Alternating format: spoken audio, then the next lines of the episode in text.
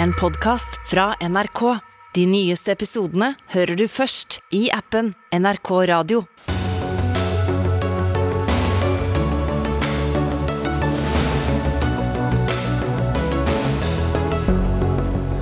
Regjeringen høyner tallet på ukrainske flyktninger, mener Norge bør ta imot 35 000 neste år. Da må kommunene få hjelp, mener kommunene. Sterke reaksjoner etter at aktivist åpnet for voldelige miljøaksjoner. Den liberale venstresida har latt retorikken hardne uten å ta avstand, mener Minerva-redaktør. Næringsministeren må slutte å si at Høyres skattepolitikk er nærmest identisk med Arbeiderpartiets, sier Linda Hofstad Helleland. Hun møter ministeren i Dagsnytt 18. Og Norge må inn i EU for å løse klimakrisen, mener Grønn Ungdom. Helt feil, mener Rød Ungdom. Ung EU-kamp i Dagsnytt 18. Ja, Det er noen av sakene vi har i Dagsnytt 18 denne fredagen, der vi også tar debatten om det er feil å dele ut priser til kvinnelige medieledere. Men først da til den eh, lenge varslede flyktningkrisen, og når kulda virkelig setter inn og strøm og vann er borte og kampene fortsetter i uh, Ukraina. Jan Egeland, som generalsekretær i uh, Flyktninghjelpen, så har du hatt uh, møte med den politiske ledelsen i Kiev i dag. Hva forteller de deg om flyktningsituasjonen? De forteller at det er nærmest ulevelige forhold i store deler av det østlige og sørlige Ukraina. Jeg besøkte flere av disse områdene og kan eh, si meg enig i den vurderingen. Hvilket betyr at eh, myndighetene sier de vil evakuere fasilitere 500 000 nye ukrainere vestover. En del vil bli i Ukraina. Flertallet vil nok gå inn i de i, nabolandene og resten av Europa, hvor det allerede er syv millioner flyktninger. Det er en veldig dramatisk negativ utvikling her i Ukraina nå. Ja, hva er det som bekymrer myndighetene mest når det gjelder flyktningsituasjonen i dag? At de ikke skal klare å ha elektrisitets varmeforsyning, rennende vann eh, til store deler av landet. Eh, den russiske bombingen av eh, sivil infrastruktur er jo så voldsom at man så vidt det er klarer å reparere det fra gang til gang, og det tar lengre og lengre tid før de ulike delene av landet får tilbake forsyningen. Her i Kiev har vi akkurat nå elektrisitet. Den kan forsvinne i, i neste øyeblikk store områder i, i, øst så er det ikke elektrisitet i det hele tatt. Jeg var i landsbyer som ikke hadde hatt eh, elektrisitet eller gass eller brensel, varme. For eh, eldre mennesker. Mange lå i senger i ødelagte hus. De har ikke hatt dette på månedsvis. Så eh, hvis russerne fortsetter bombingen av sivil infrastruktur, så vil på mange måter eh, eh varme og, og, og strøm og lys kollapse. Men myndighetene uh, regner da altså med at så mange som 500 000 mennesker kan faktisk bli evakuert og, og sendes uh, vestover. Hva vil det si for flyktningstrømmen til resten av Europa? At den vil fortsette å øke. Og som sagt, Det er allerede syv millioner i, i nabolandene. Altså Norge har, har en bitte, bitte liten andel. Hvis Norge får 70 000 nå over to år, eh, som kan være et godt anslag, jeg tror det er et minimumsanslag, da vil Norge ha 1% av antallet flyktninger. Og så er det da 6,5 millioner til fordrevne inne i Ukraina, altså som er internflyktninger i landet. Og Jeg tror mange av de vil bevege seg inn i Europa i løpet av eh, vinteren. For det er eh, ulevelige forhold. Man kan ikke leve i, i byer som er mørklagte, hvor, det, hvor, hvor man eh, bor steder uten rennende vann. Da vil man gå vestover. Det ville du og jeg også gjort. Marte Mjøs Persen, du er arbeids- og inkluderingsminister for Arbeiderpartiet og regjeringen. da. Vi hører at Egeland mener at 35 000 ja, det er et minimumsanslag, og at vi da i løpet av to år vil ta imot 1% av den flyktningmassen. Hva sier du til det?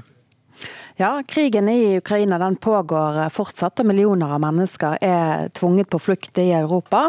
Norge har stilt opp, og vi skal fortsette å stille opp. Og Kommunene er jo en veldig viktig del av dette. De har eh, gjort en stor og avgjørende innsats for å bosette de flyktningene som er kommet til Norge så langt. Og vi er nødt til å fortsette å holde oppe dette tryktet, sånn at vi kan hjelpe de flyktningene med å få et, eh, en trygg, trygg havn her i, i, Norge. Men det er ikke mange ukene siden dere estimerte at uh, tallet var 30 000, og i løpet av få uker så har det altså kommet 5000 mer inn i deres anslag. Hvorfor det?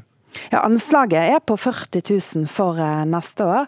og dette eh, forandrer seg jo hele tiden. og Det er bare et uttrykk også for den store usikkerheten som er. Det kan komme færre, men det kan også komme flere.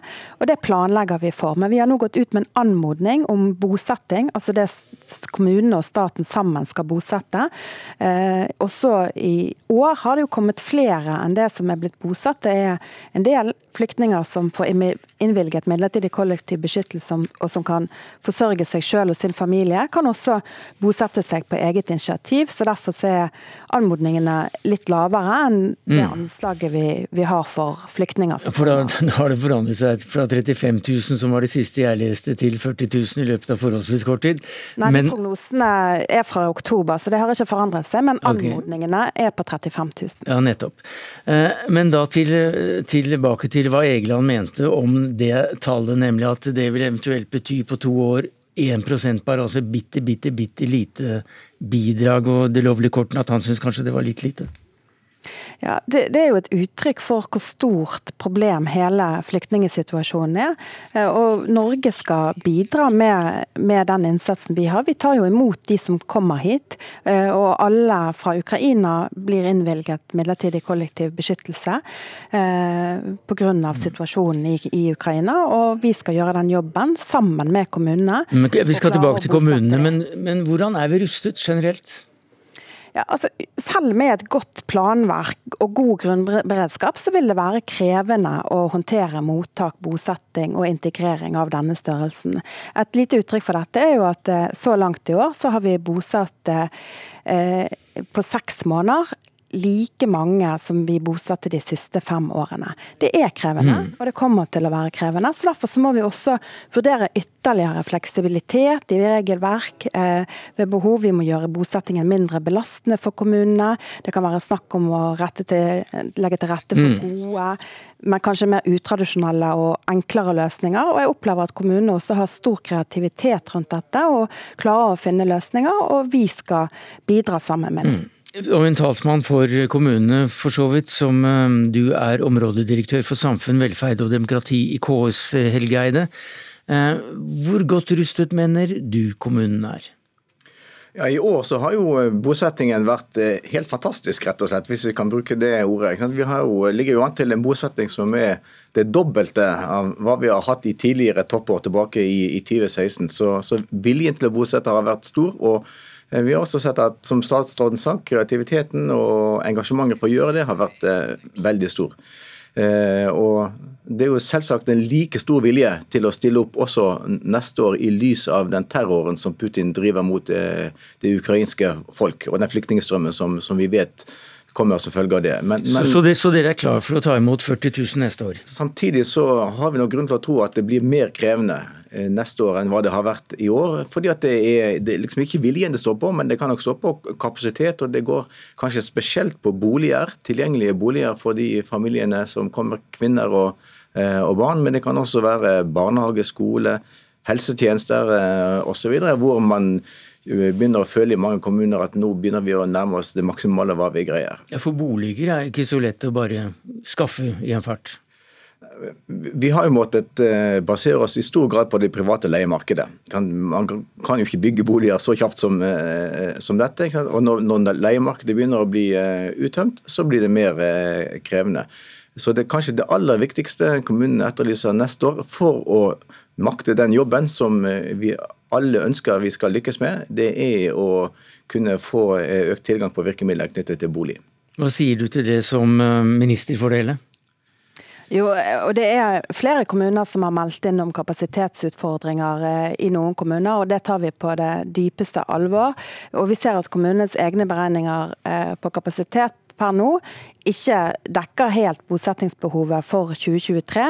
Men det som er forskjellen fra eh, i år til neste år, det er jo at dette begynte vi å planlegge i mars i fjor for inneværende år. Men nå har vi hele denne, de siste delen, og kommunene skal svare IMDi innen utgangen av januar. Da vil vi ha et enda mer helhetlig bilde.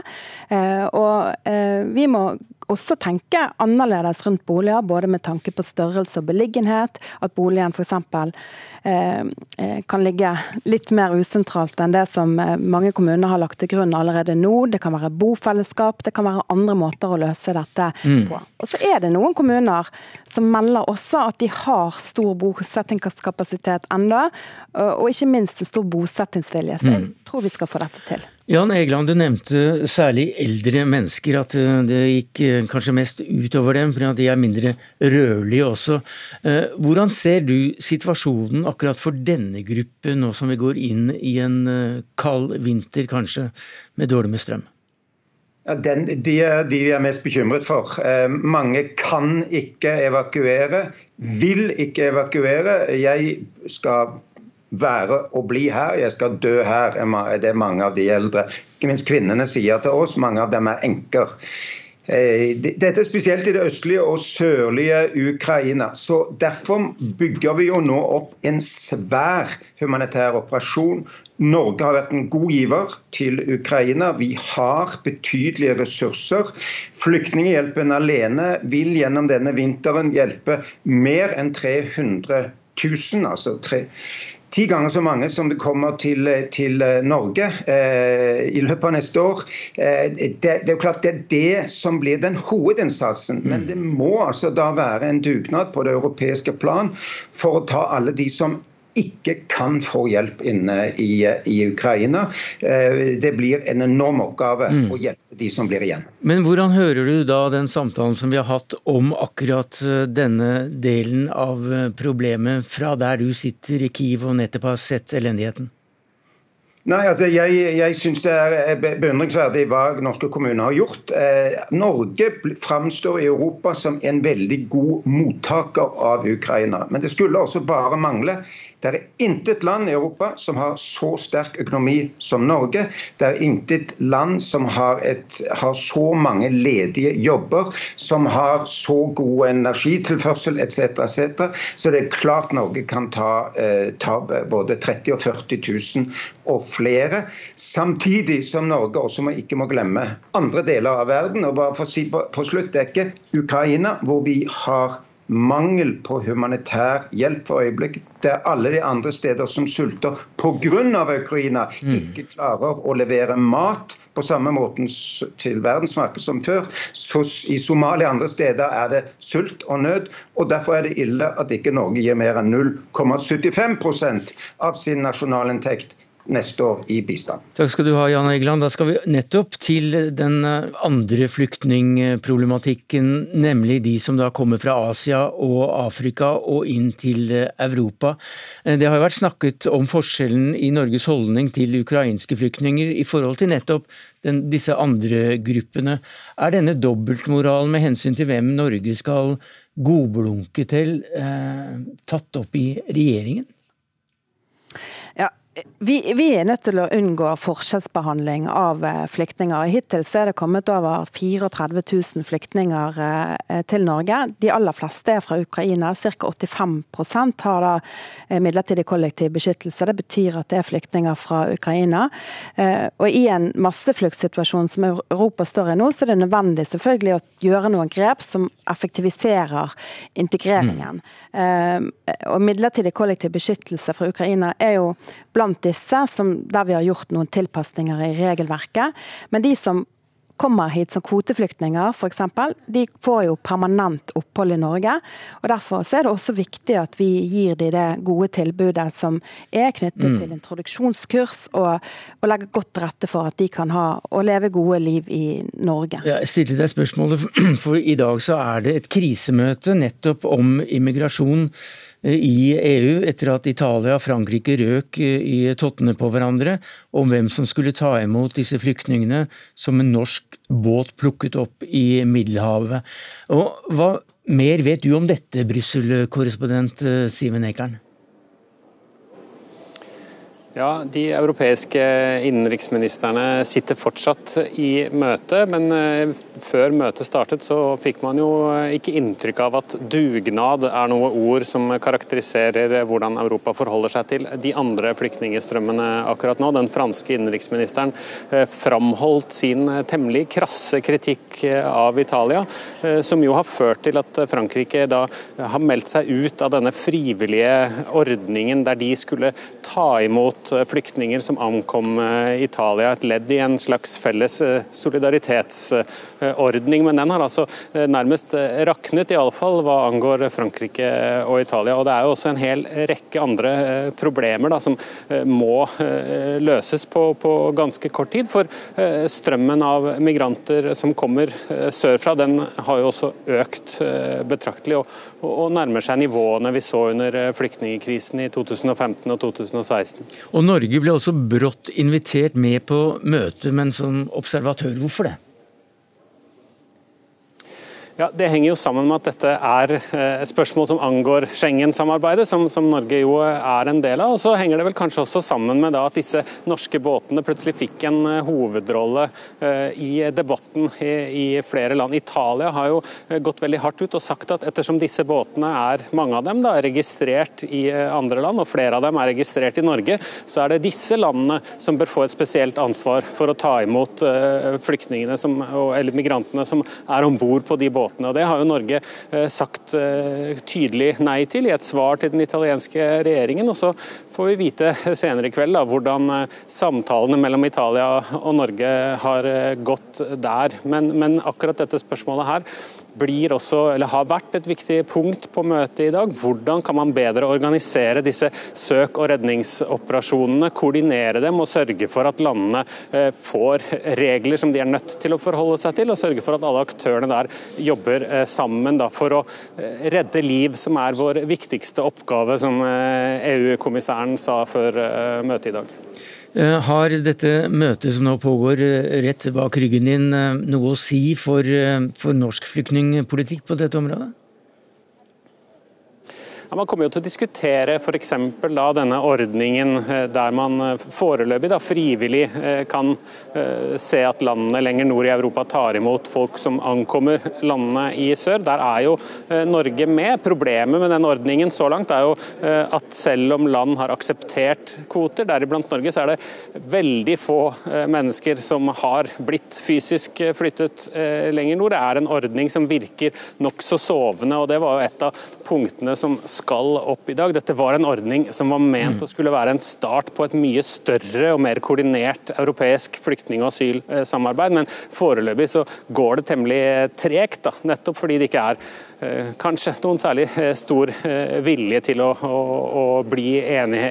enige. Iallfall så langt har det vært mer preget av krangling i høst enn av måter å se framover samlet på. Takk skal du ha, Simon Ekern, europakorrespondent for NRK.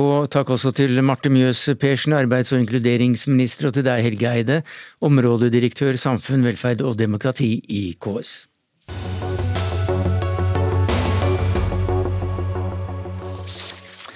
Vi skal over til norsk politikk og innenrikspolitikk. For i eh, Stortinget onsdag sa næringsminister Jan Christian Vestre at eh, Høyres skattepolitikk er nærmest identisk med regjeringens. Og det fikk eh, deg til å reagere, Linda Hofstad Helleland. Du er stortingsrepresentant for Høyre og næringspolitisk talsperson. Hvorfor det? Det medfører ikke riktighet. Det er et annet budsjett vi eh, legger frem, ikke minst for næringslivet, der vi ønsker å bidra til mer forutsigbarhet og stabile rammevilkår. Nå fikk vi nettopp en undersøkelse av eh, bredden i norsk næringsliv, utført av NHO og Rederiforbundet og Finans Norge, som gir egentlig regjeringen strykkarakter i næringspolitikken. Vi, vi, snakker, om, vi snakker ja. om, Høyres næringspolitikk. Helt riktig. Du reagerer på at han sammenligner den veldig med Arbeiderpartiets? Helt riktig. Åtte av ti bedrifter sier at det er næringsfiendtlig politikk. Og Det var det vi diskuterte i eh, Stortinget. Eh, og Derfor så reduserer vi nå formuesskatten, sånn at man skal investere mer arbeidsplasser. Vi reduserer også den økninga av arbeidsgiveravgifter, fordi vi ser en voldsomt uro og bekymring for at arbeidsplasser eh, er i spill. Og Det som på en måte har prega eh, norsk næringspolitikk og Norge uavhengig av om det har vært en blå eller rød regjering, er stabilitet, forutsigbarhet. Nå ser vi at det er politisk risiko. Vi ser at eh, investorer eh, legger investeringer på is. Vi ser at arbeidsplasser står i fare. Og vi ser at bedriftene sjøl sier at regjeringa ikke forstår den hverdagen som næringslivet står i. Og det er ganske alvorlig. Og da hadde jeg forventa at næringsminister i stedet da for å prøve å eh, skape en krangel med Høyre Jeg skjønner at det er legitimt og at partistrategene på Youngstorget sender ut næringsministeren eh, for å hakke på Høyre, men at ikke næringsministeren i stedet er mer opptatt av å bidra til forutsigbarhet, stabile rammevilkår. gjør det. Men, sånn men altså, nå, nå, er jo også du Lina Hofstad Helleland, invitert her for å ta den debatten eh, ut ifra at du har reagert på, på den sammenligningen. da, Jan Christian Wester, næringsminister. Det er du som kommer med den sammenligningen, at dere er ikke langt fra hverandre. Hvordan kan du begrunne det når du hører denne grausamme salben? Ja, Det er jo veldig enkelt. Nå har Høyre reist på bussturné land og strand og skremt opp folk og fe og snakket om dette såkalte skattesjokket til Arbeiderparti-Senterparti-regjeringen. Vel, det skattesjokket har fått et nytt navn, og det heter Høyres alternative statsbudsjett. Fordi Høyre foreslår altså å beholde stort sett hele regjeringens opplegg, øker skattene til neste år med 38 milliarder kroner. Og så hører vi igjen her nå Linda Hofstad Helleland sier at det skaper politisk ustabilitet, at det stopper investeringer og at det slukker lysene. Vel, det er jo også da Høyre sitt budsjettopplegg. Mm. Så Et øyeblikk, vi må nesten få en kommentar på det. må jeg svare på. Over 30 milliarder av det, det er eh, fylkeskommunale og kommunale kraftverk som jeg mener er helt legitimt betaler inn mer til fellesskapet, sånn at vi eh, heller få brukt pengene på kompensasjonsordninger for enkeltpersoner, familier og bedrifter i strømstøtte. Men La meg få svare på akkurat det. Ja, ja, ja, svare på akkurat det. Eh, nå har jeg vært i mange debatter med Nikolai Astrup, og han har sagt sitat, at vi slukker lyset for investeringene i fornybar kraftproduksjon med de endringene vi gjør på kraftskatten. Høyre beholder samtlige av dem. Du sto utenfor Stortinget i går Linda Hofstad Helleland, og sa at det er kystfiendtlig politikk å innføre grunnrente på havbruk. Helge Orten, din stortingskollega fra Høyre, sier at Høyre skal også ta inn 3,5 milliard fra havbruksnæringen. Dere har besøkt stort sett alle bakerier i landet og lovet mer strømstøtte. Hvor mye ekstra setter dere til strømstøtte neste år? Null kroner. I tillegg øker dere avgiftene på anleggsdiesel, sånn at 40 000 arbeidere innenfor den sektoren nå er bekymret mm. for framtiden sin. Og da synes jeg altså Man skal være ærlig om den politikken man legger fram, og ikke spre skremsler om andre partier når man da legger fram nesten det samme selv. Det er ikke redelig politisk debatt. Vestre, nå sitter du faktisk her og er uærlig. Og det reagerer jeg ganske kraftig på. Jeg skjønner at det er tøffe dager i Arbeiderpartiet om dagen, men dere må Havbruksbeskatninga f.eks. Det er ikke noe som skal dekkes inn i neste års budsjett. Høyre har vært krystallklar på at den modellen som dere nå legger frem for grunnrentebeskatning, den er vi imot. Fordi det rammer mm. arbeidsplasser i fiskeforedlingsindustrien. Det rammer arbeidsplasser langt hele kysten. At Arbeiderpartiet og Senterpartiet ble bua ut under demonstrasjonen eh, utenfor Stortinget i går, ja, det skjønner jeg er vanskelig. Men, men, men, men hva, et øyeblikk, jeg må nesten få bryte inn. Hva er forskjellen? Ja, vi er imot den grunnrentebeskatninga. Altså, da kan ikke det, og det er vel et, det er vel klart standpunkt? Du må faktisk være ærlig, Vestre. Det her går ikke. Ja, eh, da kunne dere jo skrevet det i statsbudsjettet, og ikke sagt, under, omle, ikke sagt under fremleggelsen av statsbudsjettet at dere ser for dere å ta inn om lag samme proveny som det regjeringen gjør, 3,5 milliarder kroner. Det kan man lese i Aftenposten eller se fra pressekonferansen. Det vil jeg gjerne svare på. Det, det. Ja. Næringen sjøl ønsker å bidra mer. Høyre og de, nesten alle andre partiene på Stortinget har sagt at vi ønsker at havbruksnæringa skal bidra mer. Da Men da skal vi sette oss ned som, eh, med de andre partiene på Stortinget. Og så skal vi bli enige om en innretning som ikke skaper, som skader arbeidsplasser. Som gjør at vi beholder distriktsarbeidsplassene. Det er det som er problemet. Men Linda, forslaget vårt er sendt på Her er et eksempel nå sant, på at du sprer eh, usann informasjon. Og det, og det i en tid da Du får en så klar tilbakemelding fra norske bedrifter. Du får en strykkarakter for politikken dere fører. Altså, det er over 50 milliarder i skatteøkninger på over et år. Husk på Solberg-regjeringen. Jo, jo, et øyeblikk. Et øyeblikk, et øyeblikk. Som programleder så må jeg nesten få lov å bryte inn her. Det er et ord du bruker, nemlig at du kommer hele tiden med det at han han kommer med usannheter. Det er jo bare å lese ja. Høyres alternative budsjett, så ser en at Høyre beholder stort sett alle skatte- og avgiftsendringene til regjeringen, fordi vi har lagt fram et godt og rettferdig opplegg. Når det gjelder grunnrente på havbruk, så er det en næring vi heier på. Vi vil ha mer eksport, mer mm. sysselsetting, flere investeringer. Og vi har sendt det på høring, og finansministeren har vært klokkeklar mm. på at vi kan også se på de høringsinnspillene som kommer inn. Men Høyre har altså sagt at de vil ta inn like mye penger for havbruk som det regjeringen gjør. og da er det litt rart at er det, er det sant eller ikke? Vi gjør det. Men et øyeblikk, vi må, vi må nesten høre på Høyre her. I Høyres alternative statsbudsjett så sier vi at vi er imot den modellen for grunnrentebeskatning som eh, regjeringa har foreslått, fordi det skader arbeidsplasser langs kysten. Men dere skal ta inn like mye penger fra, fra nei, næringen? Nei, det her har jo ingen proveny for neste år, så det okay. spiller ingen rolle. Det her er, det her, det, nei, nei, nei, det her er kun retorikk fra ministeren. Nå har uh, næringsministeren i løpet av et år prøvd å få forføre norsk næringsliv med festtaler. Det er lite innhold, og det vi ser nå at det Næringa opplever det som en næringsfiendtlig politikk som blir, blir, ført med over 50 milliarder skatteøkninger under Solberg-regjeringa i åtte år. Nå nå må, jeg få lov til å eh, fortsette. Under Solberg-regjeringa i åtte år så hadde vi tre alvorlige kriser i dette landet. Vi økte ikke skattene en eneste gang. Under dere, dere har nå sittet ett år, dere har økt skattene med mm. over 50 milliarder. Nå så dere forhandle okay. med SV som ønsker Men, økte skatter. Hvor skal dette ende? et øyeblikk, vi, du, du, Unnskyld at jeg avbryter det. Altså, vi, vi, vi, må, må, et, et, øyeblikk, unnskyld. unnskyld. Altså, som programleder så får jeg betalt for å sitte her og prøve å skille dere når dere går litt for mye tottene på hverandre. Så i et rolig tempo, hva er da ditt sterkeste poeng for å si at disse budsjettene, altså disse forslagene, er så like at de kan godt sammenlignes? Vi har lagt fram et statsbudsjett som skal få kontroll på kostnadsveksten. Vi har klart så langt å holde inflasjonen i norsk økonomi lavere enn stort sett alle andre land. Det er veldig viktig, fordi vi mm. står nå på randen av det som kan bli en overoppheting. Derfor har vi lagt fram et statsbudsjett med en ansvarlig innramming og en skattepolitikk mm. der de næringene som har mest, bidrar noe mer. Det har Høyre nå brukt seks-sju uker på å skremme, har sagt vil stenge lysene langs kysten, stoppe investeringer, ødelegge for norsk økonomi. Og da hadde jeg jo forventet at når Høyre har muligheten til å legge fram sitt eget budsjett, budsjett, så gjør de et annet opplegg. Det er det de har skapt forventninger om. Men fasiten er altså Da anbefaler jeg alle å gå inn på høyre.no. Der kan budsjettet lastes ned. Det er mange fine bilder i det også. Der øker de altså skattene med 38 milliarder. De øker avgiften på anleggsdiesel, og de mm. reduserer ikke oljepengebruken, for de tar i bruk en hel rekke triks. Blant annet så finansierer de varige utgiftsendringer mm. med engangsinntektsendringer. For eksempel, et samla Bedrifts-Norge har sagt at den, den, den noe av det mest skadelige er den økte arbeidsgiveravgifta som legges inn her. Jo, men, For, jo, men, jo, men, et, jo, men et, et øyeblikk. Altså, poenget her er påstanden om at den politikken dere foreslår er veldig lik Arbeiderpartiets. Ja, så nå skal jeg forklare ja, sånn at Du trenger ikke å ta inn hva næringslivet mener, men hva Høyre vil. Ja, Derfor så fjerner vi ja. arbeidsgiveravgifta. Mm. Fordi bedriftene har sagt at det er det mest skadelige.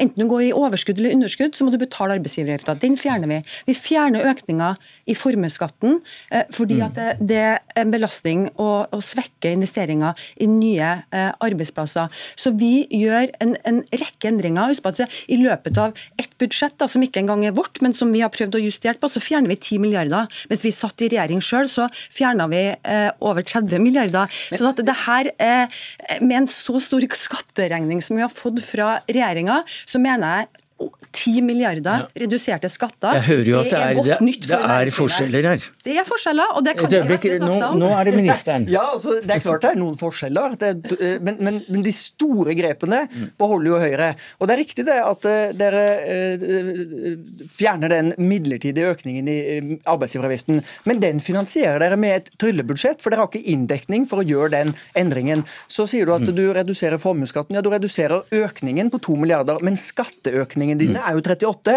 og du kan da ikke mene Linda Hofstad at en økning i formuesskatten fra eh, altså 0,05% som regjeringen foreslår, jeg gjentar 0,05% skaper nærmest sjokklignende tilstander, politisk uro Og svaret på det, det, det, det får vi dessverre ikke, for det var altså da Linda Hofstad Helleland, næringspolitisk statsperson for Høyre, som fikk begynne.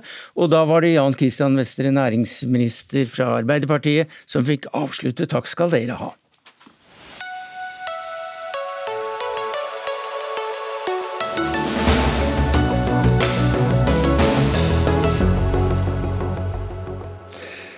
Så sport, det vil si fotball og politikk i Iran.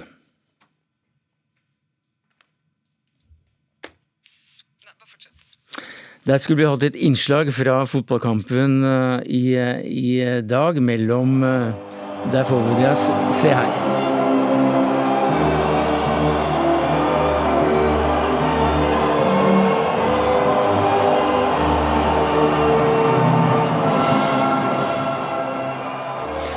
Det er altså det iranske landslaget foran kampen mot eh, Wales tidligere i dag. Og, og dette iranske laget vant altså da 2-0. Eh, men festen den uteble litt på banen, for presset det er så stort på denne fotballgjengen at det nesten ikke ligner noen ting. Det skriver du, Leif Welhaven, du er sportskommentator i VG, og du så dette laget under press fra tribunen i Qatar. Hva var det du så for et slags press? Nei, altså, det, er, det, gjør inntrykk å se ansiktsuttrykkene til spillerne som nå beveger eh, munnen etter at de ikke gjorde det i åpningskampen eh, mot England, som skapte veldig store overskrifter. Så var det åpenbart, eh, det virket i hvert fall som de følte seg tvunget til å synge med på et vis, mens du også hører en pipekonkurranse, nei, pipekonsert på tribunen fra Iransvingen. altså under den iranske nasjonalsangen. Det sier veldig mye om den ekstreme situasjonen og hvilket bakteppe eh, vi snakker om her. Og det var jo også da konfrontasjoner i forkant eh, mellom eh, tilskuere som altså støtter demonstrasjonene og regimevennlige fans. Så at dette er et landslag som spiller et VM under helt andre omstendigheter enn de andre nasjonene, er det ingen tvil om. Ja, hva slags situasjon er det de er i, mener du? Altså, Landslaget i eh, Iran er i et voldsomt krysspress. Altså, de ble jo da kalt inn eh, til et møte med president Raisi før de dro.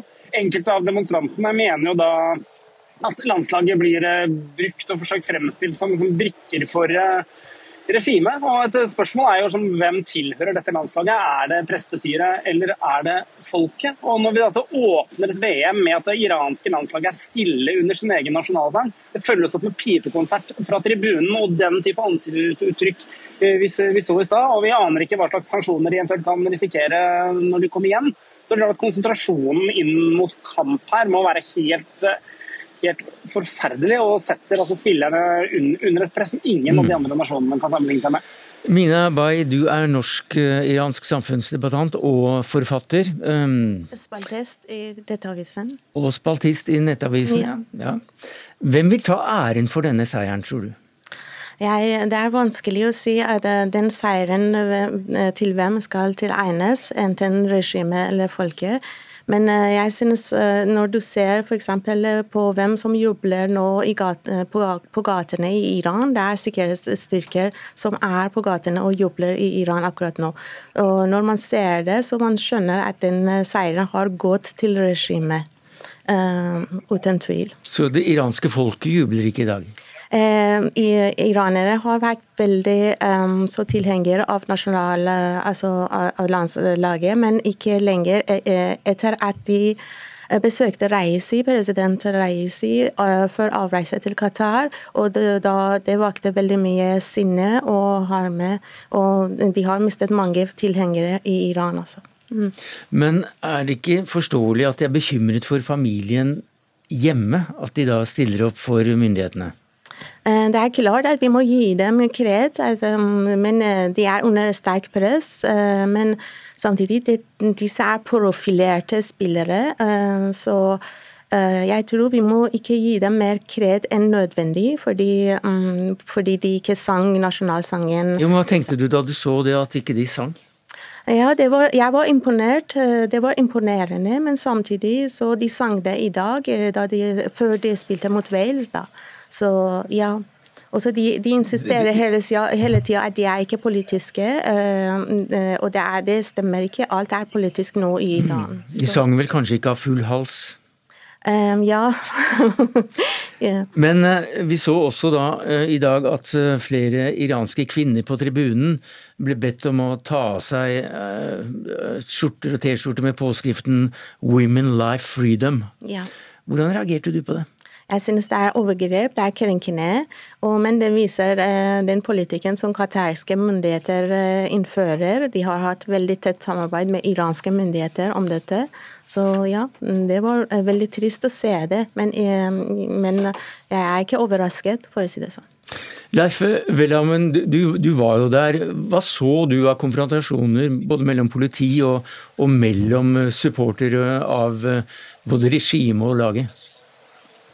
Altså, jeg så nok ikke det verste, men, eh, men eh, jeg hørte det som i hvert fall fremsto som eh, uenighet på et språk jeg ikke forstår. Og det er jo godt bildedokumentert hva som skjedde med flere av supporterne. Og tror jeg det er viktig, viktig å huske på at altså, Så sent som i går så ble det som heter Voria Gafori, som er en tidligere landslagsspiller, altså arrestert. og da siktet for å ha altså, spredt statsfiendtlig propaganda. Eh, og de, som igjen da, så kjenner mange av disse spillerne. så jeg tror også Det underbygger nok sannsynligvis hvilket, eh, hvilket krysspress eh, disse spillerne er under. Det er klart det er spesielt på en, fotball, altså på en fotballkamp når altså folk som prøver å ytre seg og bruke sin ytringsfrihet, altså blir direkte konfrontert og hånet av andre supportere fra samme land. Det, underbygger igjen hvor utrolig anspent hele situasjonen er. Takk skal du ha, Leif Welhaven, sportskommentator i VG, som eh, nå skal i gang med å dekke England-kampen. Takk til deg, Mina Bay, samfunnsdebattant og forfatter, og spaltist i eh, Nettavisen.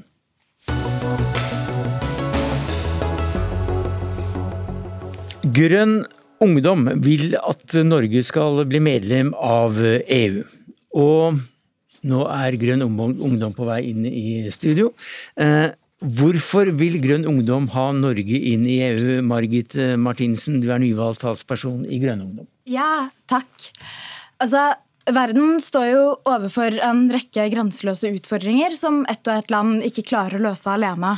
Vi står i en klimakrise. Den er her nå. Og mens Norge bommer på klimamål år etter år etter år, så setter ikke EU seg bare ambisiøse klimamål, de klarer faktisk å nå de.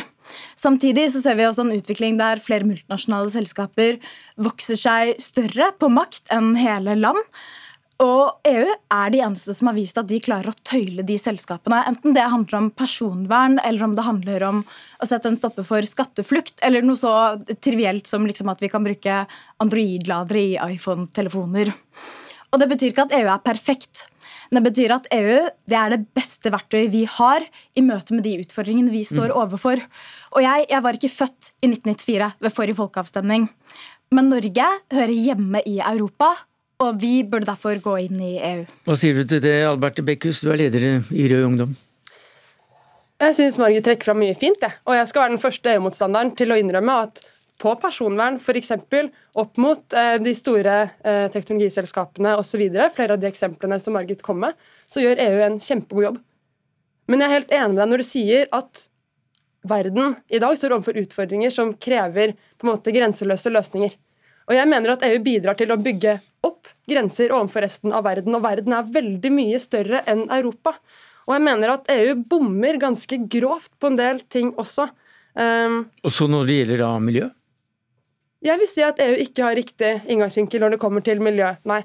E Grønn Ungdom har jo gått for EU nå på landsmøtet sitt, og med utgangspunkt i et klimaargumentasjonsrekke, og det er ikke jeg enig i enkelt og greit. Hvorfor ikke? Det er mange grunner til det. Jeg kan starte med å ta tre.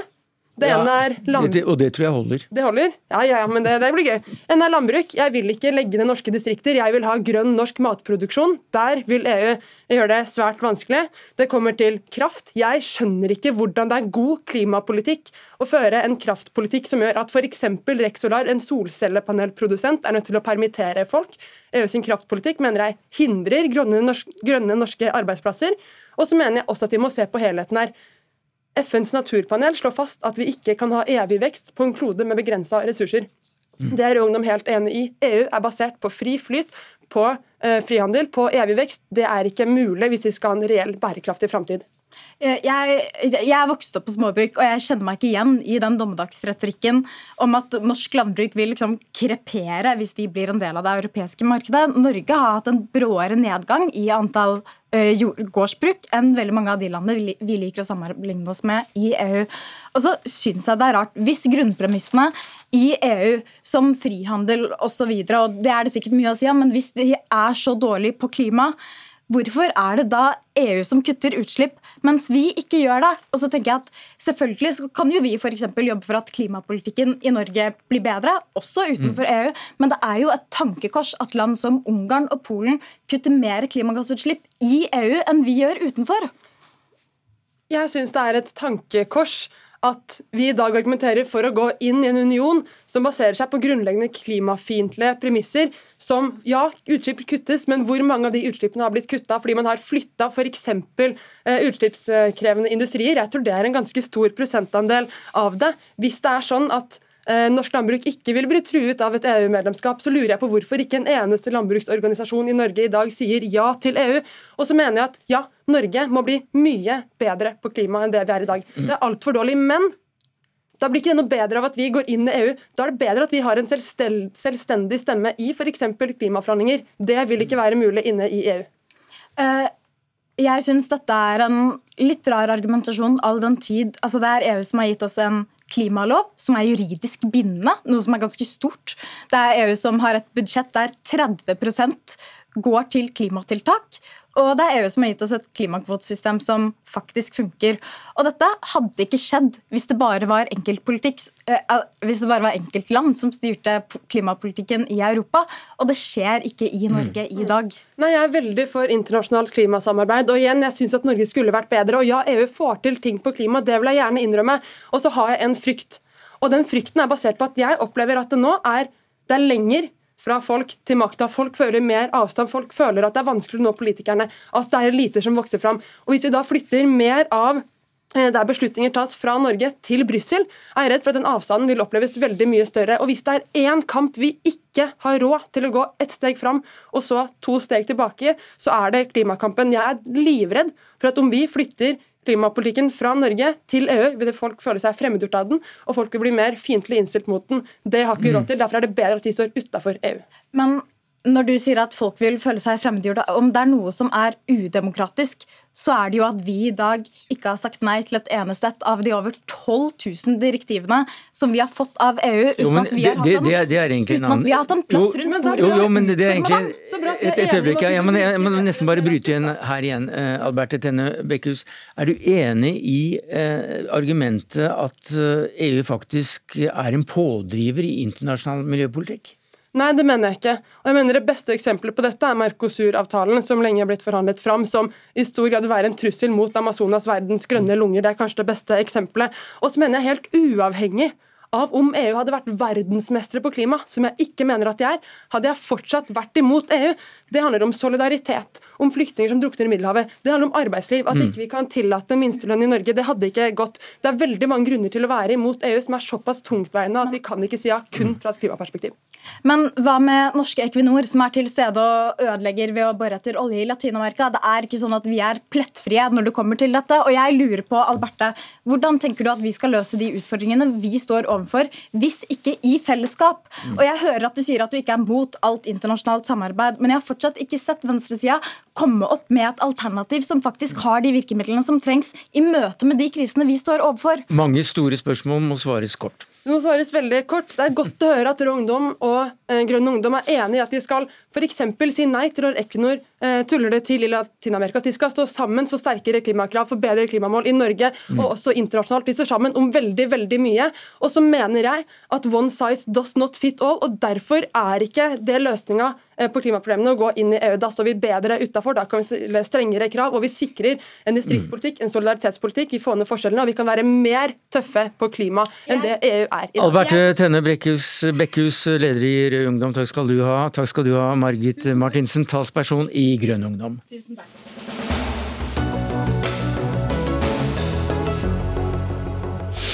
Ja, etter at eh, aktivist eh, Joakim Skahjem åpnet for at vold kan komme til å bli, bli brukt i nettopp miljøvernaksjoner, under debatten på NRK TV i går, så har reaksjonene vært nokså entydig negative. Nils August Andresen, du er redaktør i Minerva, og du er ikke overrasket over at vold nevnes som en mulig aksjonsform for å redde jorda? Hvordan kan du begrunne det?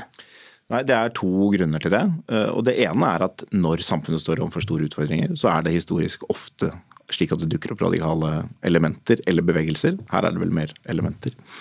Det andre er at vi har sett en idéutvikling i klimabevegelsen de siste årene som også er kommet til Norge. Eh, og I Norge ble det på en måte lansert i 2019 med denne, dette oppropet fra Extinction Rebellion som snakket om at samfunnskontrakten var brutt. Som flere ledende norske akademikere skrev under på. Og Det er jo en sånn radikal retorikk som, hvor innholdet i den kronikken sier at det liberale demokratiet fungerer ikke lenger. Det er ikke nok for å, for å møte denne krisen. Vi trenger noe annet og noe mer.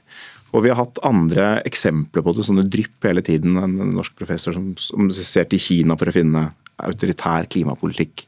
Eller et amerikansk eh, statsvitenskapelig tidsskrift hvor du har en vitenskapelig artikkel som argumenterer for at klima krever at vi suspenderer det liberale demokratiet oh, det, det er, for å løse det. det er, så det er en utvikling. Det er et stykke fra å peke på Kina, en Kina-modell, og til å gå inn for vold som aksjonsform? Ja, det er, det er på en måte skritt én og skritt to. Så Skritt én er at du sier det liberale demokratiet er ikke rammen som fungerer for å løse dette. Og da er spørsmålet hva er skritt to? Og Vi husker det på en måte fra, fra innvandringsdebatten, hvor Skritt én er sånn å si, det liberale demokratiet fungerer ikke lenger. Lederen vår er forrædere, landsforrædere, quislinger. Og skritt to er hva skjer da? Hva gjør vi når demokratiet ikke er rammen? Og En av de tingene som skjer, er vold, og det er den retningen som Joakim Skahjem har tatt i. Og trekker på selvfølgelig masse radikal eh, teori som har pekt i den retningen tidligere. Dette er ikke nytt. Snorre Valen, du er medlem av Ekstremismekommisjonen, og du er også debattleder i um, i eh, Trønderdebatt, eller redaktør for, for, den. Eh, hva sier du til at det er eh, venstresidens retorikk som danner grobunn for at noen mener at vold kan bli et aktuelt middel i miljøkampen i Norge? Ja, det, det, her blir ikke så mye til debatt, for jeg er jo helt enig med, med Nils August Andresen. da. Ja, hvorfor det? Nei, altså Jeg opplever jo ikke at Andresen sier at det er venstresidas retorikk som fører til at enkelte elementer nå tar til orde for bruk av vold, men jeg syns han peker på noe veldig viktig. og det er at Lenge før noe juridisk ansvar, så starter et moralsk ansvar for du, hva slags verdensbilde du presenterer og hva du argumenterer for. Og, og så må man tenke over konsekvensene av det verdensbildet man tegner. Og Hvis man hvis man f.eks. hevder at demokratiet er ute av stand til å løse klimakrisa, ja, da kan man ikke bli overraska om andre tolker det som en slags oppfordring til å tre utafor rammene for demokratiets spilleregler når du skal løse klimakrisa. Og Det syns jeg med fordel at både politiske partier, organisasjoner og synsere som jeg kunne tatt mer tak i på et tidligere tidspunkt. For det er jo et utviklingstrekk over tid. Og nå blir det her litt sånn mange synsemenn klør hverandre på ryggen, beklager det. Men eh, jeg syns Eivind Trædal da, i MDG var inne på noe veldig viktig i dag. og det at mange av de nye store initiativene innenfor klimakampen de siste åra har oppstått fra andre steder enn de tradisjonelt sterke norske miljøorganisasjonene. Både ungdomsorganisasjonene og voksenorganisasjonene. Og Det er et tankekors og en utfordring man bør ta på alvor. Fordi Jeg har mye mer trua på at framtidas klimadebatt foregår i de formene vi nettopp hørte i stad. Uh, ungdommene som diskuterte da, enn at Eh, enn at mer sånn halvformelle strukturer som har et lemfeldig forhold til bruk av vold, eh, skal få sette dagsorden. Jo, men allikevel så sier du at du ble sjokkert da aktivisten åpnet eh, for at vold kunne være en mulig aksjonsform? Ja, sjokkert ble jeg, men det er jo fordi det er forferdelig ubehagelig å høre den typen retorikk. Og, å høre indirekte sammenligninger mellom gutta på skauens bruk av vold under krigen og situasjonen vi står i i dag. Altså, det er en ekstrem måte å argumentere på som er farlig.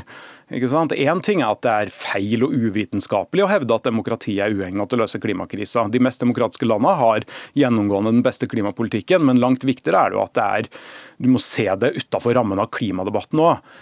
Er det mange nok som argumenterer på den måten, så svekker det demokratiet, og, og, vi utsetter hverandre for fare. Og Hver politisk bevegelse i Norge har jo et spesielt ansvar for å trekke opp de grensene i sine egne ideologiske nabolag. Da. Jeg var blant de som kritiserte det her utspillet om se til Kina og en mer autoritær stat i sommer, men i ettertid har jeg tenkt at jeg kanskje burde fokusert mer på det òg. fordi selv om det er en liten tendens i norsk debatt nå, så er den mm potensielt veldig problematisk. Altså, det er et veldig interessant og vanskelig spørsmål er hvordan man øker, møter trusselen fra uh, den type autoritære uh, tendenser eller ideologier når man står overfor store samfunnstrusler. Og Det er noe som vi som, jeg, som både har vært på den innvandringskritiske høyresiden, vi har balet ganske mye med dette. fordi det er ikke nødvendigvis lett, og det er veldig kontekstavhengig. Så det, F.eks. i innvandringsdebatten så var det jo sånn at det var en veldig stor uro knyttet til innvandring i befolkningen på ulike tider i norsk politikk, som bl.a. manifesterte seg i veldig høy oppslutning om Fremskrittspartiet. Og Det måtte man på en eller annen møte både med grensesetting og politisk. Og Det er en veldig vanskelig balansegang, som jeg synes eh, vi så på debatten i NRK i går. hvor eh, det var vel Rasmus Hansson som, ble, som sa at han, vi må lytte til uroen, eller noe sånt. Vi tar avstand fra vold, men vi må lytte til uroen. Og har fått en del eh, fordømmelse for det. Jeg syns den kommentaren var veldig uheldig. Den fant ikke den balansen. Men, men det, er, det, det, er, ikke sånn at fordi vi tar avstand fra en, en, tilnærming til demokratiet og en tilnærming til, til, aktivisme, at vi ikke skal finne ut hvordan vi skal håndtere uro. Men det som er veldig problematisk med klimasaken, som er det veldig vanskelig for, for, for MDG og for andre å møte dette på en enkel måte, det er at eh, hvis aktivister møter dem og sier ja, men dere gjør ingenting og verden blir varmere, så er det ikke noe norske politikere uten videre kan gjøre med det. Altså Det er ikke noe vedtak i Stortinget som endrer eh, på kort sikt eh, den globale oppvarmingen. Det er helt utenfor norske politikeres kontroll, i stor grad utenfor norske politikeres kontroll. Og Derfor er det veldig krevende, eh, det er krevende å møte disse bekymringene. Og Det gjør det ekstra viktig å møte dette ideologiske tankegodset. fordi vi, vi har ikke så mye annet å tilby dem enn å forklare dem at de er på ville veier. Hvordan skal det møtes, Snorre Valen? Jeg tror Det ene er å forstå, eh, forstå, de ulike miljøene det er snakk om som kan komme til å påvirke debatten framover. For det er viktig å huske at uh, ulike tankeretninger og ulike konspirasjonsmiljøer påvirker hverandre. I i anledning tiårsmarkeringa for 22.07 i fjor så kom PST med en rapport om utviklingstrekk innenfor uh, høyreekstreme ideologier. og En av de første tingene som trekkes fram i den, er jo såkalt økofascisme. Altså hvordan høyreekstreme adopterer og tar over og nærmest kupper klimasaken og natursaken for, for sin agenda. Og, og Det spås der at det kommer til å være en tendens som vokser i tida framover. Så dette, dette er for det første ikke noe som bare kommer fra én fløy, men det er òg et uttrykk for at som, som Andresen var inne på, alle viktige, veldig alvorlige saker som folk forståelig nok engasjerer seg veldig og blir veldig bekymra av. Jeg er mm. blant de som er veldig bekymra for hvordan det skal gå med klimaet. Alle sånne saker har jo potensial i seg til å kunne brukes da, mm. Eh, til ganske andre formål enn det demokratiske fellesskapet Norge eh, er enige om.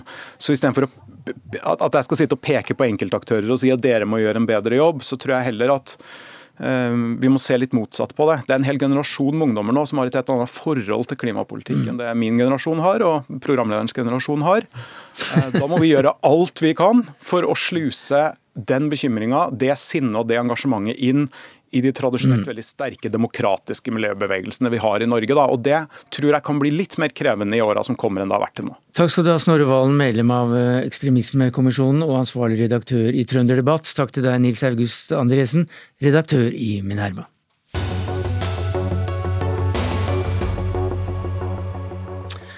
Ja, Årets kvinnelige medieleder kåres hvert år av Medienettverket. Men som spaltist i Medier24 så mener du at prisen er utdatert. Odd Isungset, hvorfor det? Jeg mener at det virker mot sin hensikt. Ja. Um, jeg syns det er veldig rart at mediebransjen i dag driver med kjønnsdelte priser. Uh, sånn at uh, jeg tenker at uh, ethvert virkemiddel har sin tid. Jeg tror prisen har hatt en betydning, men den tida er forbi. Ja, det er også utdatert. Men hvorfor, hvorfor har den ingen hensikt? Nei, fordi at jeg mener at nå er det veldig mange medieledere som er kvinner.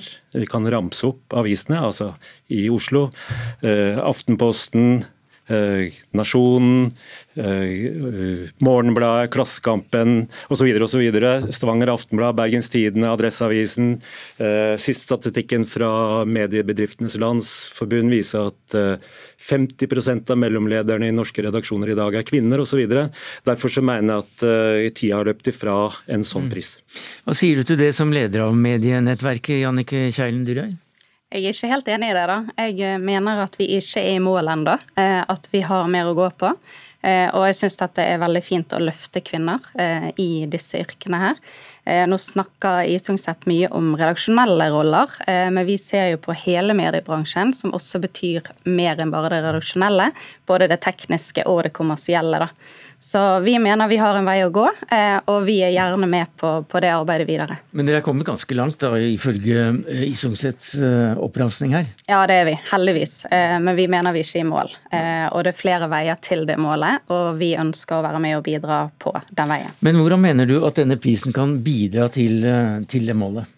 Vi mener at det å løfte og fremme kvinner og gjøre det helt naturlig og selvfølgelig at de skal være en del av lederrollen, det er viktig for generasjonen etter oss. Eh, de skal se at det er helt naturlig at det er eh, kvinner som har de rollene i mediebransjen. Det er helt naturlig i dag. Altså, Vi sitter jo i et mediehus nå som har en kvinnelig leder, en kvinnelig nyhetsredaktør. Eh, da jeg og Medier24 diskuterte dette, så var det faktisk sånn at vi glemte en del. Eh, fordi vi ikke tenkte på om det var kvinner eller om det var menn. Og Da tenker jeg at vi har kommet såpass langt at kvinnene nå deltar i Eliteserien. Mens denne prisen egentlig er jo en divisjon ned. Og Det, det mener jeg er feilaktig med å ha kjønnsdelte priser. Hva sier du til det? Jeg er ikke enig i det. Eh, jeg syns at det å, alle trenger å bli sett, eh, og det er viktig å, å fremme de. Og selv om vi har mange dyktige kvinner, så er vi ikke i mål. Men det er jo de kvinnelige medielederne som blir mest sett, og som blir mest brukt som kommentator. Ja, Det er veldig bra at du sier det, for det har jo alt det arbeidet som har vært gjort, eh, har vært viktig. Men vi mener ikke at vi er ferdig med det arbeidet der, og at vi trenger å fortsette å fokusere på det. Så, så du mener altså at kjønnsdelte priser eh, fremmer likestillingen?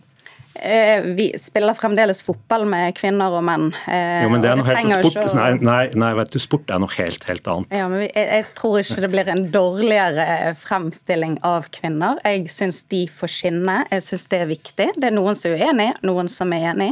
Eh, men jeg tror det er utrolig viktig da, å fortsette det arbeidet der, for de fortjener å bli sett. Men nå er, nå, nå er det jo sånn at den kåra hvert år årets Oslo-redaktør de to siste åra, der deltar både kvinner og menn, de mm. to siste åra så har alle de tre nominerte vært kvinner.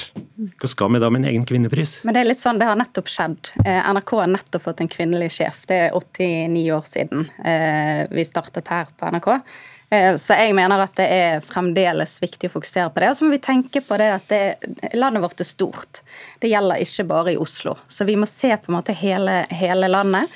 Og prisene våre hever også talenter, og det tror jeg er et veldig viktig fokus her. For de talentene som vi har, eh, blir gjerne ikke løftet på samme måten som de kvinnelige medlederne.